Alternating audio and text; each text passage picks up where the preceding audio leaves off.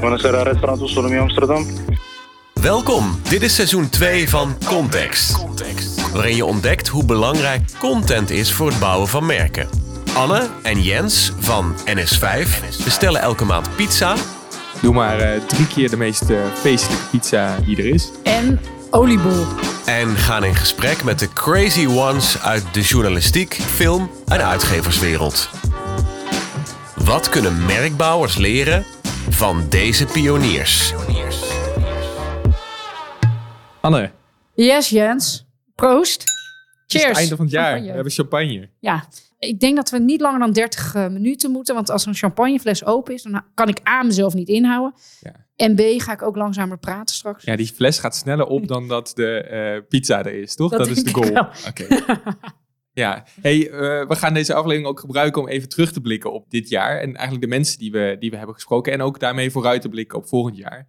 Want we hebben best wel veel mensen gesproken uit allerlei vakgebieden. Van, van journalisten tot eh, schrijvers tot... Ja, wie, hebben we allemaal? Regisseurs. regisseurs. We, we hebben zoveel mensen gesproken. En ehm, ja, de- ik vond het heel indrukwekkend om te zien dat daar, dat daar best wel een lijn in zat. Of zo. Dat veel van de mensen die we spraken toch wel met eenzelfde soort verhaal terugkwamen. Over, ehm, ja, steeds weer had het te maken met eigenlijk hun ontvanger of hun community waar ze mee bezig waren. Dat ze daar eigenlijk op nieuwe manieren verbinding mee zochten en vonden. Ja, en dat vind ik dus het me- allermeest echt interessantste. Ehm, Hoezo? Want het is een beetje een paradox met ons vak op dit moment, met merken. Ehm, er zijn meer mogelijkheden dan ooit dus om die verbinding te maken. En heel veel merken lijken toch een beetje die verbinding verloren. Als ik kijk naar de briefings die wij krijgen, of de uitdaging die merken zien, dan is het ook heel vaak, ja, hoe bereiken we Gen Z? Nou, Ja. als er één generatie is, als we over generaties Die hebben, makkelijk te bereiken is. ja, die nogal makkelijk te rijden online, dan is het Gen Z. Maar kennelijk lukt het merken dus niet om ja, dat publiek en, de- en die klanten om te zetten in een soort van fans. Ja. ja, is misschien wel iets van alle tijden natuurlijk dat je, eh, ja, dat er steeds een jong- jonge generatie is die het net op een andere manier doet en dat de, de media en de middelen er ook vragen om het op een andere manier te doen. En dat hebben denk ik de, de mensen die wij spraken, daar hebben ze natuurlijk ook een beetje op uitgekozen dat ze wel iets goed doen, dat het wel pioniers zijn eh, in hun vak. Dat, dat zij eh, steeds eigenlijk op basis van wat, er, wat ze zien veranderen in de wereld, ook hun eigen methode om dingen te doen echt hebben aangepast. Eh, dat hebben we denk ik overal wel gezien. Ja, dat is denk ik ook de uitdaging voor het aankomende jaar voor heel veel marketeers. Hoe ga je je vak in deze tijd opnieuw uitvinden? Ja, En als we een voorbeeld nemen, ik denk aflevering drie was met NRC-journalist Wouter van Noord. Die heeft er een enorm platform opgezet, Future Affairs. Enorm loyaal publiek, veel volgers die meepraten. En hij legde eigenlijk de vinger op de zere plek, denk ik. Ja, nou ja, vroeger gingen journalisten een beetje eh, zelf onderzoek doen en dan een hele hoge toren inklimmen om vervolgens over de wereld eh, eh, uit te storten wat ze, hebben, wat ze hadden ontdekt. En ik denk dat dat model gewoon heel erg aan het omklappen is door, nou ja, dat is natuurlijk heel logisch, de opkomst van sociale media. Ja. Omdat mensen zelf veel meer informatie kunnen vinden. Maar voor mij was er wel duidelijk iets inderdaad dat er iets miste. Dat we heel veel slimme lezers en heel geëngageerde groepen mensen om onze journalistiek heen hadden. Met allemaal ideeën, met allemaal kennis, allemaal wijsheid, waar we eigenlijk amper op intapten. En het is denk ik pas in de loop van de jaren gekomen dat het voor mij helder is wat het dan precies was. En dat het zo exact in die communities zit, eh, waar die toegevoegde waarde zit. Het was meer bij mij een soort van zeurend gevoel, hé, hey, er, er mist iets aan de manier waarop we nu journalistiek bedrijven. En ik wil daar een beetje in pielen en pionieren en proberen en experimenteren om te kijken of het anders en beter kan. Ja eigenlijk overal waar eh, Wouter hier journalisten zegt, kun je merken plakken. En dan Ja. heb je al eh, precies eh, inderdaad wat je zegt, de vinger op de zere plek.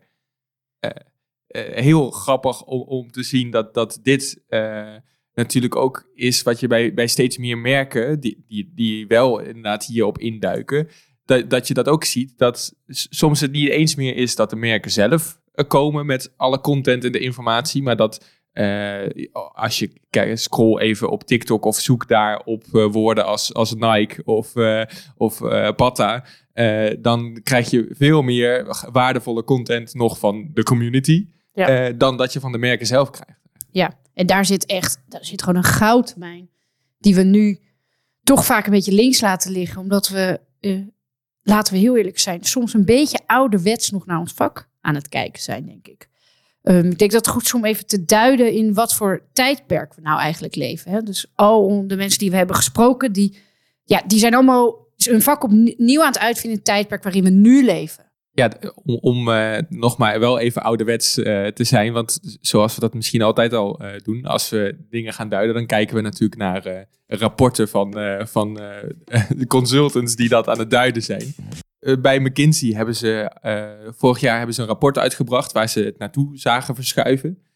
dat rapport gaat over de community flywheel. Ik denk dat dat precies is wat, wat we dit jaar hebben zien gebeuren. En wat we ook dus bij verschillende van onze gasten hebben zien gebeuren in hun branche. Wat ze eigenlijk zagen was, eerst had je natuurlijk de tijd van de massamediale communicatie. Iedereen keek tv, iedereen uh, luistert naar de radio. En daar kun je dus je hele publiek kun je in één keer targeten met een grote boodschap. Ja, dus het is eigenlijk was het gewoon bereik inkopen. Bereik inkopen. Dat was eigenlijk ja. het doel van alle communicatie, zoveel mogelijk bereik. Die tijd is nog steeds niet dood, die tijd is nog steeds niet weg. Je kunt natuurlijk nog steeds heel veel uh, met advertenties, gewoon groot bereik uh, inkopen, moet je ook nog zeker doen.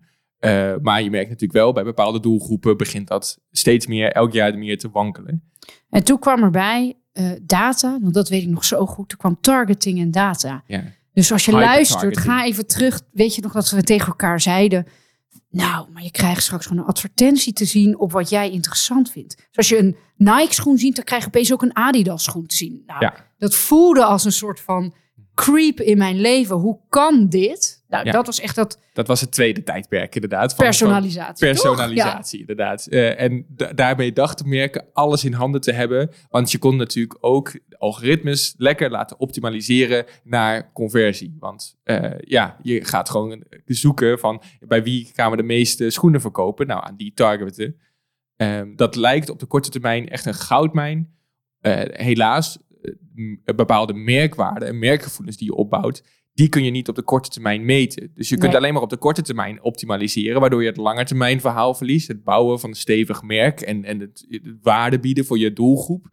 Dat zijn we daarmee uit het oog verloren. Waardoor we zien dat over de, na tien jaar personaliseren en optimaliseren, waren alle merken inderdaad minder sterk geworden en minder waard geworden. En Ja, dus wat er dan eigenlijk gebeurt is, wat je zegt, is dat effectiviteit wordt belangrijker dan emotie. ja, En eh, laat zei iemand dat ook tegen. Dat vond ik wel een goede, goede uitleg ook van. Het is een beetje alsof je een vijver hebt met een vissen erin. En je probeert al die vissen te pakken.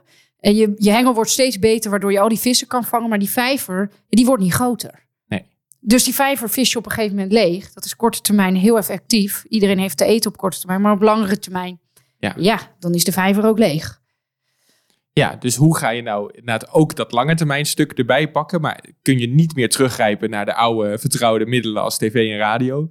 Daarvoor zegt eigenlijk dat, dat stuk van, van McKinsey, heb je eigenlijk die community die zoveel belangrijker wordt, eh, waar het dus niet meer gaat om echt een doelgroep zoals eh, zo oud tot zo oud, man eh, leeft in de stad.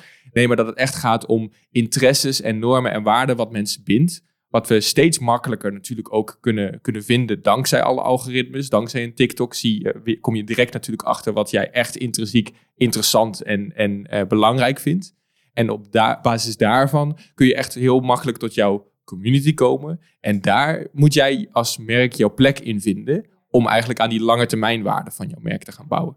kijk, die, die communities zo belangrijk zijn geworden, dat heeft natuurlijk ook te maken met hoe we elkaar vinden.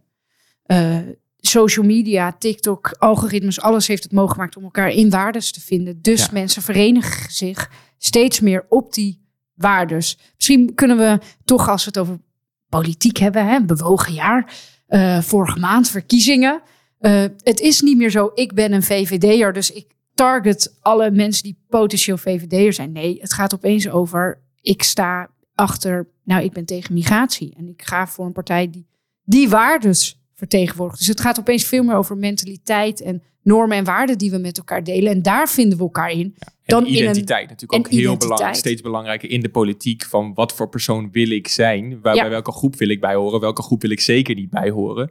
Eh, en daar zie je natuurlijk ook dat een grote groep zich niet bij die eh, randstedelijke, eh, die, die uit de hoogte Amsterdammers. de- Heb je het over mij? Nou ja. ik, eh, ik slu- sluit mezelf daar misschien ook mee uit. Maar eh, Maar Ja. nee, nee, dus, dus dat is het. Eh, data en context is belangrijker geworden. En daarmee ook communities. En is het eigenlijk van hè, de oplossing was altijd bereik. Toen werd de oplossing effectiviteit, of daar zochten we naar effectiviteit. En nu is het eigenlijk hoe kunnen we als merken invloed uitoefenen op mensen. Invloed is denk ik echt het woord voor 2024. Schrijven we op. Maar goed, al deze theorie. We weten Ja. in welk tijdperk we leven. Tijdperk van communities. Mhm. Tijdperk van invloed. Als merk ben je ook een influencer. Denk daarover na. Hoe kan je dat inzetten als merk? En wat kunnen we leren van de mensen die we hebben gesproken? De- daar heeft McKinsey ook even natuurlijk vijf stappen voor opgezet. Zoals ze dat natuurlijk altijd mooi doen. Van hey, hoe gaan we daarmee in de slag? En die gaan we even uitlichten. En die gaan we even ook hier in het hier en nu brengen. Ook met wat we dit jaar hebben geleerd. Vijf stappen hoe jij eigenlijk, als, als je nu dit luistert als marketeer, denkt van hoe ga ik nou echt een goed merk bouwen in 2024? Ehm, ja, Via content, publishing, dat Ja. soort dingen. precies. Eh, en een community. Nou, dan beginnen we met één. Community is niet, hè, is meer dan gewoon een doelgroep inzicht. Ja. Eh, dat is iets waar jij de hele tijd op hamert. Maar dat is misschien ook wel de eerste vraag die je jezelf als merk zou moeten stellen. Ja, kijk, voor wie ben ik er en wat beweegt hen? Ja. Ehm, ik denk een goed voorbeeld, aflevering 4 was dat, toen spraken we een eh boektokker. Eh, voor de Noah. leken onder Ja. ons. Noah, ja, dat is dus een influencer die jongeren massaal aan het lezen krijgt op TikTok. En die vindt dus jongeren op dat onderwerp, maar niet zozeer op alleen maar boek, boek, boek, maar veel meer op een mentaliteit en een, en een gevoel. En Noah die reageerde op een campagne van het CPMB, eh, waarbij ze eigenlijk Famke Louise als een soort van gezicht van jongeren die niet van lezen houden inzetten. Dus dat is heel erg toch een beetje ouderwets gedacht van, nou, jongeren. Wie eh, spreken jongeren aan? Nou, Famke Louise, een artiest. Eh Famke leest ook geen boeken. Weet je wat we gaan doen? Wij gaan haar drie boeken laten lezen. Per dag was het volgens mij.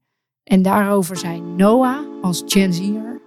Het Ik vind het heel eigenwijs en een soort van grote middelvinger naar jongeren. Want als je Femke Louise een soort spokesperson neerzet voor deze generatie, vind ik dat gewoon diep triest. Want dan onderschat je ook hoe intelligent eh, onze generatie en de generatie die daarvoor kwam is. En ik vind ook dat die bedrijven echt gewoon weinig moeite steken om echt jongeren te laten spreken. Want ik heb vorig jaar mee geholpen met die com- campagne. Waar je merkt dat alles. De boeken die zij bijvoorbeeld uitlichten voor de boekenweek, boekenweek voor jongeren. Dat zijn dan een grote lijst die bij elkaar gesteld is door volwassenen. En dan zijn er shortlisters. Drie daarvan zijn dan van die zwaar liter- literaire boeken. En dus daar maakten ze dan ook zo'n opmerking over op de dag voor jongeren. En dan denk ik van ja, wat heb je dan uiteindelijk gedaan? Want ze, ze geven dat vaak ook. Ze willen alsnog dat Nederlands en liefst Nederlands ouderboek pushen. En dan denk ik, laat dat los. En focus op gewoon op de jongeren. En doe echt iets met de jongeren. Of doe het gewoon helemaal niet.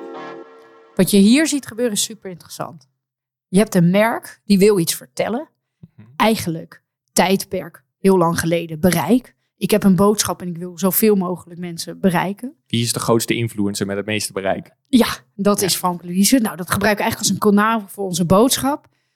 Dus we gaan de Famke Louise community aanspreken. Ja, en dan totaal niet realiseren wie is de community van Famke Louise, wat beweegt en echt oprecht interesse hebben in die mensen. En weet je wat Wouter ook hiervoor al zei? Ook vragen aan hun stellen en hun echt betrekken en de context eh, bepalen van waar je boodschap in landt. Ja, terwijl de oplossing voor een merk eigenlijk veel makkelijker nog is. Het is, ligt veel dichter bij huis. Door te kijken van wie zijn nu al, want het is niet dat, je, dat er niemand op dit moment jouw merk gebruikt. Wie zijn nou echt de loyalisten van jouw merk? Wie in, in het geval van Noah zijn dat, eh, wie zijn de mensen die echt al verslaafd zijn aan boeken? Wat zijn dat voor mensen? Daar zit ook natuurlijk een gave community omheen. Daar moet je inkomen, in die community. En niet soort van extern kijken naar van, ja, wie, wie, wie vindt de jeugd de jeugd als, als één eh, groot homogeen begrip. eh, da- en dan maar kijken en dan bij Famke Louise uitkomen. Je kan niet meer vanuit je ivoren toren, vanuit de boardroom bepalen. Nou, dit zijn de mensen en daar gaan we ons op richten. Je moet veel beter weten, ja, maar wat beweegt die mensen? Welke boodschap? Hoe, hoe vertalen we onze boodschap naar iets wat hen aanspreekt? Ja. Eh, jij houdt wel eens zo'n onderzoek aan met Orangina-drinkers. Ja, ja dat, is, eh, dus laten we wel eens aan de klanten zien die toch heel graag mensen op, eh, op leeftijd willen targeten. Dan, dan laten we inderdaad een schema zien met hoeveel de verschillende generaties met elkaar overeenkomen. En dan laat je daar ook in zien ehm, hoeveel andere, ehm, op, als je op andere waarden selecteert, hoeveel me- dan mensen overeenkomen. En dan zie je dat mensen die flossen, komen veel meer met elkaar overeen dan eh, de generatie Z en eh, alle andere generaties. Oké, dus punt 1. Je moet weten, ja, wie is je community en wat is eigenlijk de cultuur die daarin leeft? Wat zijn hun normen en waarden? Wat houdt hen bezig? Wat is hun mindset? Waar praten ze graag over? Eh, dat gaat dus veel verder dan een soort functionele dingen. En Ja. dan komen we bij, dat weten we. Mhm. Punt twee, wat doe je dan als marketeer? Dan ga je kijken wie ben jij en wie, wie, hoe verhoud jij je tot die community. En, ehm, want als je te veel naar die community gaat kijken en maar met, eh, ja, dus, eh, ja, de community vindt dit, nu dit hip, eh, ehm, dus wij moeten nu ook dat doen. Als je te veel eh, ja, daar, daarin meegaat, dan vergeet je natuurlijk wie jij zelf bent. En dan ben je natuurlijk voor die community ook niet meer belangrijk, omdat je niet meer Nee. je eigen statement of je eigen punt maakt daarin. Dat is eigenlijk ook precies in de allereerste aflevering zaten we met eh Jeroen van de, van de Speld. Eh, en die, die, zei dat, die had daar ook best wel kritiek op uit de tijd, want hij had zelf bij een bureau gezeten. En merkte dat daar ook heel erg. ik miste ook wel in mijn reclamewerk, en het niet dat het dramatisch was, maar een beetje. Ik dacht soms wel van: oké, we, we hollen wel met alle, alle winden mee. En bij de Speld, ik weet niet of het bij elke redactie is, maar ja, dat, we hollen helemaal niet alle winden mee. We volgen het nieuws, we, daar, we denken goed over na wat we daarvan vinden. En volgens komt daar een soort statement in de vorm van een grap naar buiten. Ja, dus zij weten heel goed wie is het merk de speld binnen eh, al die verbindingen die in hun community liggen en welke rol kunnen ze daarin vervullen. Ja, precies. Nou, ik vind dat wel interessant, wat eh, over eh, content gesproken. Ik las het parool, toch als Amsterdammer. Het spijt me. Ehm, en in november, vorige maand, opende daar eh, eh, In-N-Out Burger. Ben je daar geweest, Jens? Nee, Oké. dit is te Amsterdam voor mij. Oké. Ik ben wel in een In-N-Out Burger geweest, maar in Amerika, nooit in Nederland. Maar het was, nou, dat was helemaal een ding. Er stonden rijen om de hoek. Je zag het echt op social. Het ging helemaal viral. In-N-Out opent. En eh, alle hippe Amsterdammers die vinden dat ze eh, bij de haverelite moeten horen, die stonden in de rij, zeg maar. En er stond ook een food influencer die ze interviewde. En eh, ze vroeg haar naar wat, wat haar nou daar bracht. En toen zei ze, ja, kijk, ik weet hiervan door alle celebrities uit de VS. Ja, die zeggen dat In-N-Out zo heerlijk is. En toen vroegen ze aan haar, ja, ja welke beroemdheid dan? Ja, eh, ja, dat weet ik even niet zo uit mijn hoofd. Wat je daar al ziet is, nou, wat gebeurt er? Zij zit kennelijk in, een community en er werd gewoon heel veel over gesproken. En ze wist eigenlijk helemaal niet waarom ze daar was, maar ze had het gevoel, het heeft me bereikt en ik wil me identificeren met dat ik hier ben en dat wil ik ook uitdragen. Vervolgens vroeg ze aan haar, ja, en wat ga je dan bestellen? Zei zij, ja, de double patty burger natuurlijk. Vond ik al super interessant. Je bent nog nooit bij een restaurant geweest, maar je weet wel wat er op het menu staat.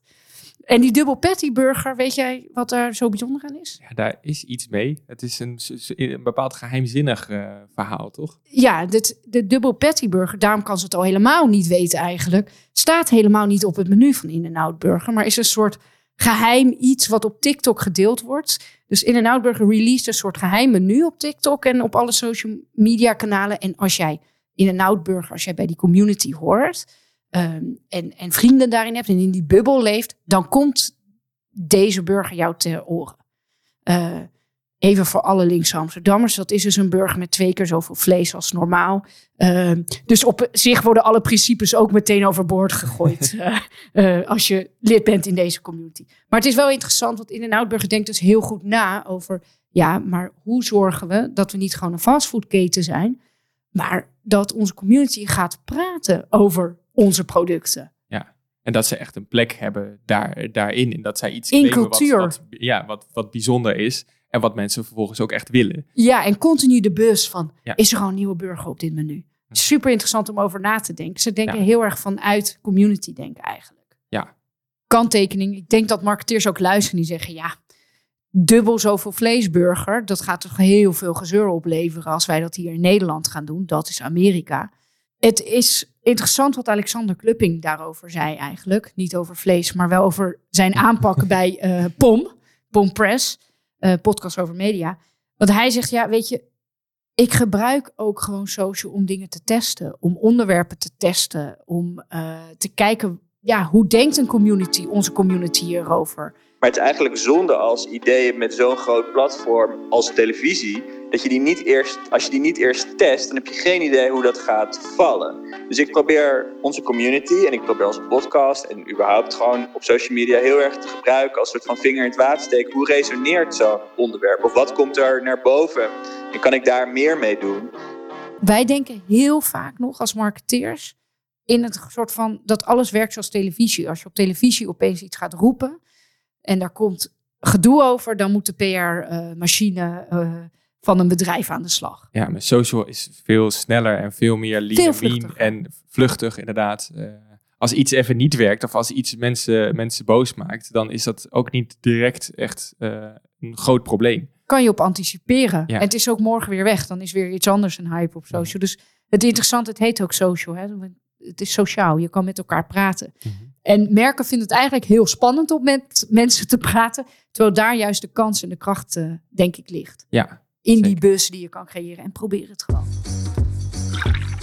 dan heb je inderdaad eh, gekeken van dit zijn wij als merk. Maar dan eigenlijk bij het derde punt, eh, de stap drie, ga je kijken hoe krijgen we die twee werelden nou samen? Hoe ga je nou naar die overlap zoeken van waar jij als merk voor staat en waar jouw community voor staat? En hoe verbind je die twee eigenlijk met elkaar? Ehm, ja, dat is, dat is iets wat we ook vaak laten zien als een soort Venn-diagram. Twee cirkels die elkaar overlappen. De ene En wat voor diagram? Twee Eh, cirkels die over elkaar... die elkaar overlappen. Dat, dat, dat, dat, dat concept kennen we allemaal, denk ik. Maar dat heet dus een eh Venn-diagram. Dankjewel, Jens. Eh, graag gedaan. Dat, dat laten we vaak zien. Aan de ene kant staat je community, aan de andere kant staat je merk. Maar waar, de, waar echt de waarde zit, is die overlap.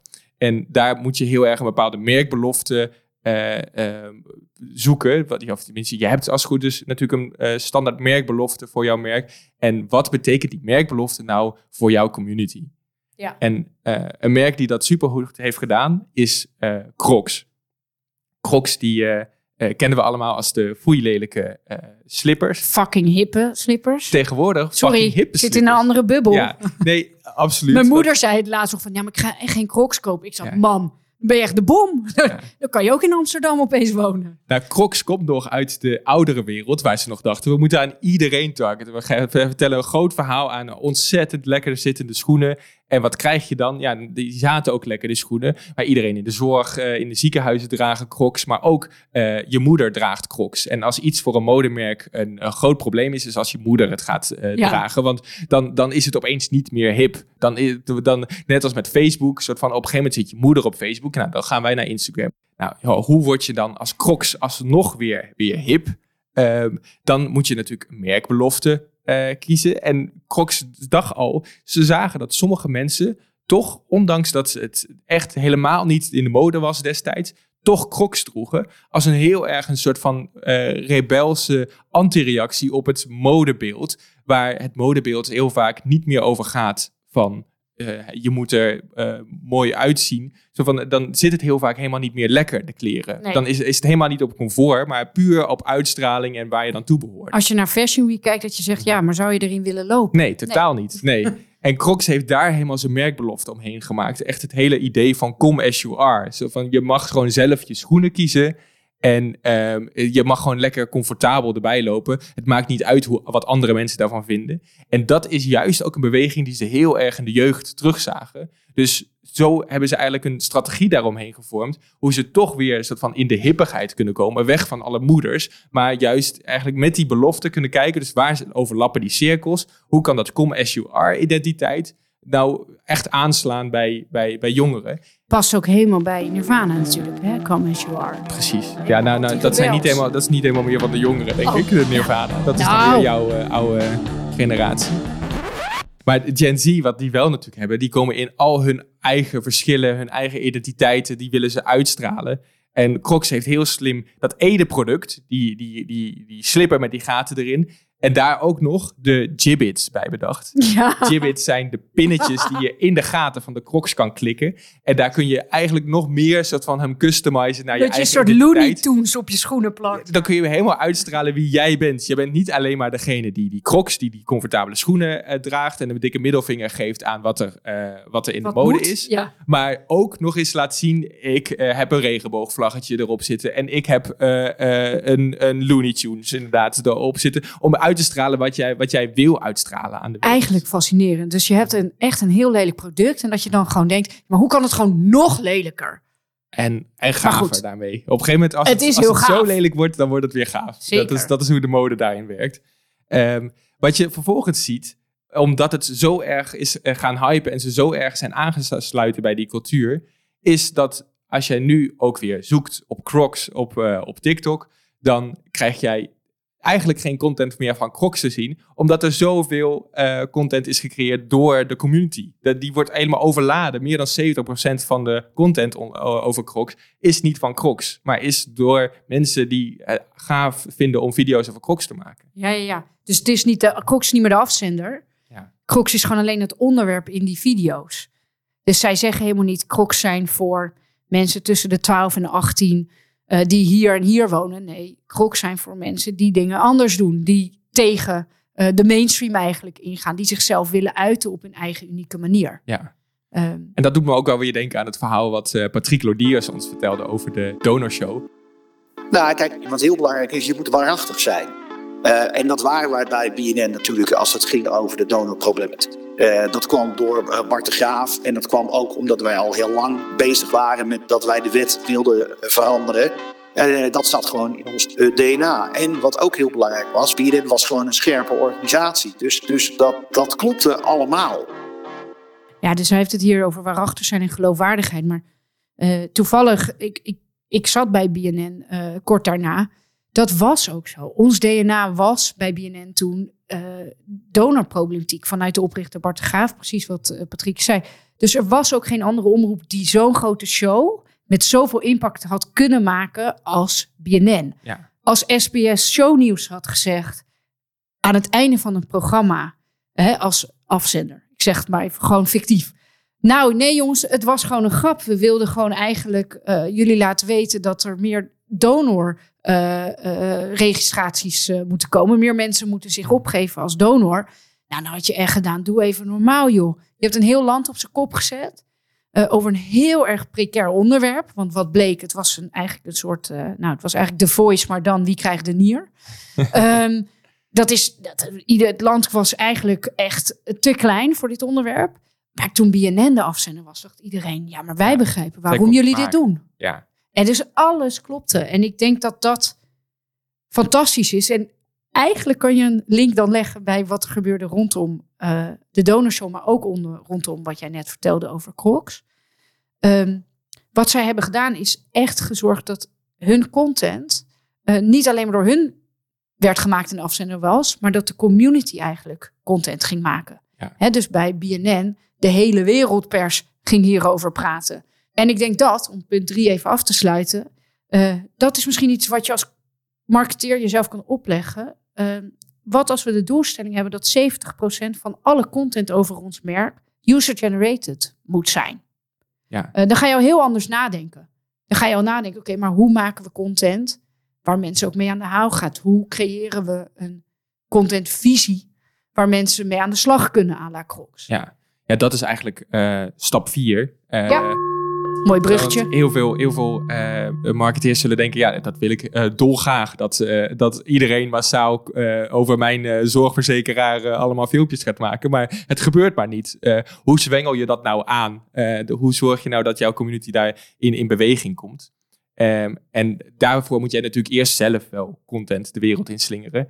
En dat moet content zijn die zo erg aanspreekt bij die community. Op basis van wat je in die eerste drie stappen eigenlijk hebt hebt ontdekt. Ehm, dan moet je wel onwijs de taal spreken van die community. Je, je, je moet zo erg die cultuur kennen en zo erg daarbij aansluiten. En ik vond het heel leuk eh, in de aflevering met Wil Koopman, eh, regisseur van Oogappels en Gooise Vrouwen. Zij, zij ehm, eh, had eigenlijk een hele leuke tactiek wel om, om, om te onderzoeken van hoe, welke taal spreekt mijn community. Ja, ik vind het heel fijn bijvoorbeeld om in een tram te zitten in Amsterdam. En dan kan ik mensen observeren. Dat vind ik echt heerlijk. Iedereen verklaart me altijd gek dat ik alles doe met de tram. Ik denk altijd, ah nee, want ik zie dus gewoon mensen. En ik zie hoe mensen met elkaar communiceren. En dat vind ik altijd e- enorm interessant. En ook om dit soort paradijsvogels tegen te komen die zo gekleurd worden. Die denk je, nou ja, dat zou ik nou nooit zo aantrekken. Maar het heeft wel wat. Nou ja, en dat neem je dan weer mee. Dus zij snapt dat zij een heel groot publiek, hè, de gemiddeld publiek in Nederland moet aanspreken. Ehm, zij snapt ook dat dat publiek ook wel vrij randstedelijk of in de grote steden zit. Ehm, maar zij, zij gaat echt gewoon in een tram zitten en ze gaat mensen observeren. En ehm, En dan kom je bij de juiste toon voor, jou, voor jouw content. En- Eh, super interessant, want als we teruggaan naar Wout, als we teruggaan naar Noah eh, en naar Patrick. ehm, wat je dus ziet is wat zij allemaal doen, is dat zij echt heel goed begrijpen eh, wat hun community. En als je geen community hebt, dan vul elke keer als wij community in zeggen, je toekomstige community. Ehm, wat, wat hun beweegt en wat ze praten eh, en hoe ze praten. En ze gaan ook in gesprek ermee. Precies wat Noah ook zei. Ja, ik maak een campagne over boeken voor jongeren. En niemand van het marketingteam heeft ooit met jongeren gepraat over boeken. Oh. Ja, dat zijn de pizza's al. We ja, hebben nog champagne. En, en nog eh, één punt. En nog één punt. Dus Ja. laten we het daar even over hebben. Want Jens, eh, één ding hebben al deze pioniers ons niet verteld. En dat is, Dat ga ja, jij ze nu vertellen. hoe verkoop je dan producten? Ja. Dat is wel uiteindelijk de essentie van advertising in ons vak. Het moet ook wel leaden naar conversie. Ja, dat is natuurlijk het vijfde punt. Soort van, dat, dat hoop ik ook dat, dat alle luisteraars dat ook in het nieuwe jaar gaan doen. Dat we aan de ene kant moeten we natuurlijk vol content gaan maken om die community eh, Te bouwen. te, bouwen en ook geloofwaardig te, de plek te winnen in die community. Maar als je er vervolgens niks mee doet, dus je moet er altijd daarnaast ook nog advertising naast zetten om vervolgens naar die conversie weer, weer toe te gaan. Ja, Eh, dat is denk ik eh soort de mooie combinatie van. Ja, dat is ons vliegwiel eigenlijk. Kijk, nee, lekker. kijk, pizza's en oliebollen. Zou je het zelf eh, opeten, Oni? Ik wel. Ja, ja, nou wij ook. Maar we hebben niet voor je besteld, sorry. Hoi. Dankjewel. Jens, pak, eh, pak iets lekker. keer, eh, ik schenk alvast Ja, schenk mij nog even bij. champagne. Ja. Ehm, ja, dit was eh, eh, seizoen 2 van Context. En alles draait om context, zei ook McKinsey. Dus daarbij hadden wij al een voorzienend oog aan het begin van dit. wisten het allemaal al lang. Synergie dus tussen advertising en publishing. Dat is een beetje onze boodschap. En, eh, en, en bouw die community. Weet wie je community is. Zoek de buzz erin. Punt 3. Blijf dan ook dicht bij je merk. Zoek naar die verbinding. Punt 4. Maak content in hun toon Taal. en hun taal. Tone of voice. Praat de taal van je, pu- van je publiek. Je bent ook een mens. En 5. Knaller advertising naast. Dan ga je terugzien in je omzet ook nog. En dan wordt eh, 2024 jouw, eh, jouw jaar. Gelukkig nieuwjaar allemaal. Ja, gelukkig nieuwjaar. En eh ja, wellicht tot seizoen 10 dan. Dit is Context.